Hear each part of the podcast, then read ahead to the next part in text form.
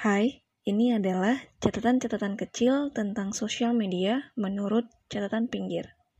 Hal-hal yang cukup menjadi perhatian antara sosial media dan aku.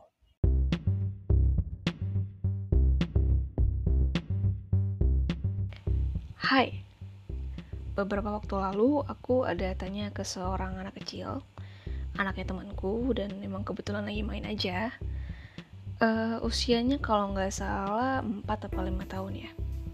Aku tanya gini ke dia, kamu hobinya apa sih, kesukaannya apa sih gitu. Dia jawab, main Instagram. Duh, gemes. Tapi yang menarik, anak umur segitu menyebut Instagram atau sosial media adalah hobinya. Artinya, dia suka dan cukup sering menggunakan sosial media. Terlepas dari dia tahu apa enggak apa itu sosial media atau gimana dia menggunakan sosial media itu sendiri. Tapi sih kalau menurut aku untuk anak umur segitu sangat harus diawasi dan dijaga penggunaannya dan intensitas dia menggunakan sosial media atau gadgetnya. Kalau diingat-ingat sih dulu kayaknya pas aku ditanya hobinya apa paling aku jawab menyanyi bermain gitu atau membantu ibu. anyway, aku jadi tertarik banget buat bahas sosial media di episode ini. Di mana kayaknya sosial media itu udah mendarah daging buat sebagian orang. Bahkan aku pernah dengar istilah gadget dan segala aplikasi di dalamnya itu bisa menjadi nyawa dalam tanda kutip sebagian orang malah lebih nggak apa-apa ketinggalan dompet asal jangan ketinggalan handphone. Hmm. Iya sih. Di sini aku bakal bahas lebih deep soal sosial media dibanding dengan gadgetnya sendiri. Karena sebagian orang yang freak gadget itu nggak melulu ada di sosial media. Game, transportasi, aplikasi transportasi, aplikasi finansial, eh, pelajaran-pelajaran sekolah atau untuk sekedar bikin note di handphone. Tapi tahukah kamu, rata-rata orang Indonesia bisa menghabiskan waktunya hanya untuk sosial media bisa 3 jam lebih per hari. Dan Indonesia berada di peringkat ketiga penggunaan sosial media terlama di dunia. Filipina nomor satu dan Brazil nomor dua. Yes. Infografik dari Hootsuite juga menjelaskan kalau YouTube menjadi the most active social media platform di Indonesia, yaitu sebesar 88%. Artinya 80 pers 88% YouTube itu adalah aplikasi paling aktif di Indonesia. Lalu ada WhatsApp di 83%, FB 81%, dan Instagram 80%. Jadi sebenarnya seberapa penting sih sosial media buat keseharian kamu? Dari teman-temanku yang udah aku tanya, beberapa dari mereka bahkan punya 7 sampai 10 aplikasi sosial media di handphone mereka. Well, tahu kan aplikasi sosial media itu apa aja? Mereka bilang sosial media itu adalah bagian dalam aktivitas wajib mereka setiap hari. Lagi diem, nunggu, lagi di transportasi, di toilet, uh, sebelum tidur atau pas melek bangun tidur, sosial media adalah soulmate. Sosmed is soulmate. scroll scroll scroll scroll timeline, lihat apa-apa yang diupdate teman-teman, kepoin mantan atau PDKT-an, cari jodoh, lihat video-video berita atau semua-semua hal-hal yang penting yang viral-viral atau pantengin artis, jualan atau belanja online ya ya apa aja lah.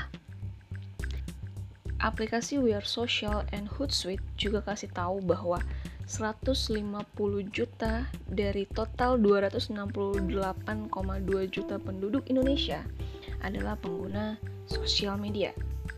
Artinya, ada 50% lebih dari penduduk Indonesia adalah pengguna sosial media. Segitu besarnya ya sosial media menjadi bagian dari masyarakat Indonesia. Aku pribadi, sosial media itu pernah menjadi separuh aku. kalau bisa setiap momen aku pasti share di sosial media status galau everyday berapa jumlah like yang aku dapat aku pasti cek setiap 5 menit sekali atau mungkin satu menit sekali. Lihat video-video viral update kabar-kabar temen atau mantan. Tapi sekarang aku udah mengurangi sih mengurangi keakrabanku dengan si sosmed ini. Kenapa? Oke yuk kita bahas positif negatif sosial media menurut catatan pinggir. Banyak banget sebenarnya keuntungan yang kita dapat dari sosial media. Sosmed itu bisa menjadi media penyambung silaturahmi menurutku. Karena kayak aku nih, aku ketemu teman-teman dan sahabat-sahabat aku waktu kecil dulu yang udah lost kontak lama itu dari FB. Uh, eh, jadi sering komunikasi juga sama keluargaku di kampung sana dengan WhatsApp yang selama ini aku kalau kalau nggak lebaran atau hari besar lain ya ya jarang komunikasi atau ya banyak hal lainnya lah gitu. Sosial media juga membantu buat cepat tahu informasi-informasi penting yang di Indonesia. Atau ya sekitaran lingkungan kecil kita dulu aja deh. Kalau ada kemacetan di jalan hujan apa enggak hari ini?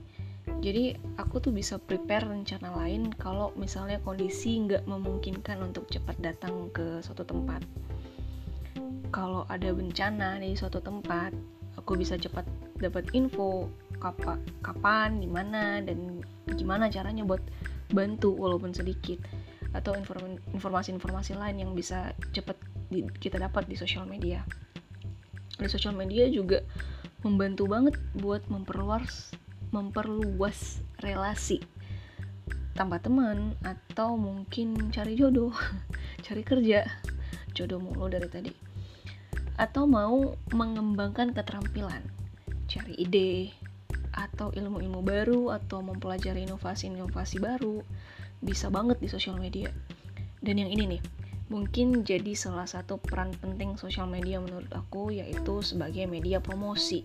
Promosi bisnis, karya-karya, ya bisa banget.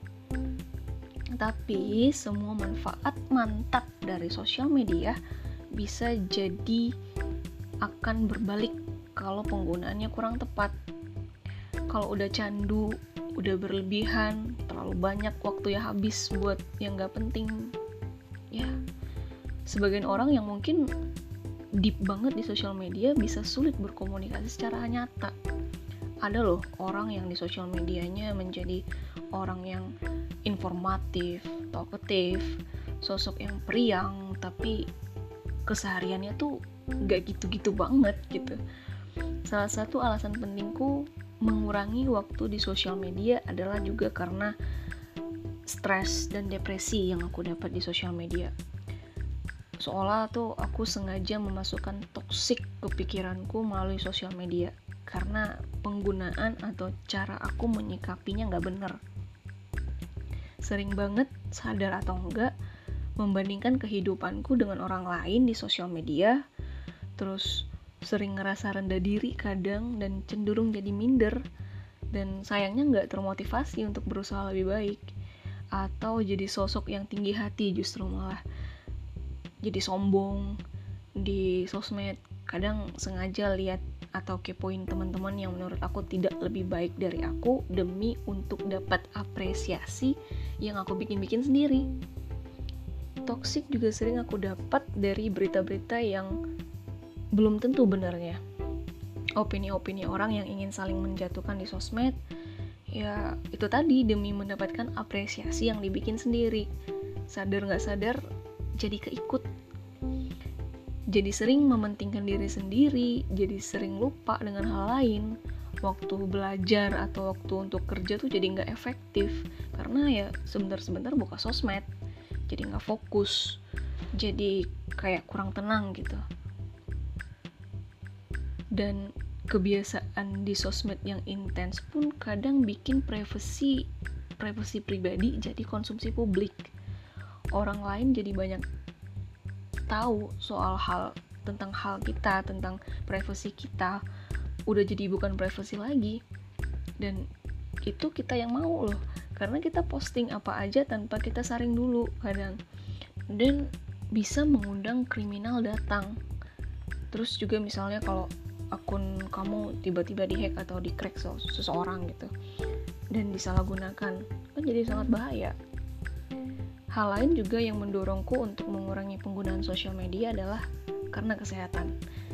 Kebiasaan yang gak sehat misalnya penggunaan sosial media yang lama sebelum tidur atau pas melek bangun tidur terus tiba-tiba nyari handphone buat buka sosial media itu bisa bikin tidur aku jadi nggak berkualitas jam tidur yang berkurang bikin sakit kepala bikin migrain sakit mata karena ngantuknya ditahan segala macam dan mah juga bisa loh. Karena kadang jadi lupa waktu buat makan lapar juga ditahan kalau lagi seru-serunya liatin sosmed. Sosial media pernah menjadi separuh aku tapi sekarang mungkin jadi seperempatnya aku kali. Nggak nggak nggak. Nggak tahu sih seberapa persen waktu untuk sosial media buatku sekarang. Tapi memang aku cukup berusaha untuk mengurangi. Nggak sama sekali menjauhi atau gimana tapi mengurangi. Karena aku juga masih butuh sosial media. Kan pada dasarnya sebenarnya sosial media itu dibuat punya fungsi yang baik. Dan niat kita pun untuk membuka sosial media adalah yang baik tapi kadang hal yang gak baik cukup berhasil membuat kita keikut. Sekarang lebih banyak waktu untuk sosial media itu aku habiskan buat cari-cari sumber informasi. Misalkan kayak aku mau nulis sesuatu aku buka YouTube untuk cari-cari video yang relevan atau informasi-informasi yang relevan atau informasi-informasi yang berhubungan dengan pekerjaan aku aku sering buka WhatsApp untuk kalau misalnya atasan atau teman-teman kerjaku di kantor nge-sharing soal kerjaan gitu Instagram atau FB juga nggak ngotot lagi aku untuk memperbanyak postingan atau like gitu kalau mau posting sesuatu aku harus benar-benar tahu apa maknanya, isinya, tujuan baiknya apa dan sudah gitu. Terserah orang mau respon apa dan apresiasi tiap respon mereka. Beberapa waktu lalu juga aku berhasil uninstall atau mengoffkan beberapa aplikasi sosial media untuk beberapa hari dan atau tidak sama sekali aku buka gitu. Nggak semua sih ada juga aplikasi-aplikasi yang tetap aku buka sesekali itu pun karena tuntutan pekerjaan dan alhamdulillah it works for me untuk memulai membuang candu di sosial media membuang candu yang tidak baik dan memilah atau menyaring hal-hal yang bisa menjadi toksik buatku dan yang mana yang tidak kamu juga pasti tahu apa yang tepat buatmu dan bagaimana kamu menyikapinya. Aku adalah dari catatan pinggir. Terima kasih. Terima kasih sudah mendengarkan. Ikuti juga Instagramnya di catatanpinggir.podcast untuk update informasi tentang podcast catatan pinggir.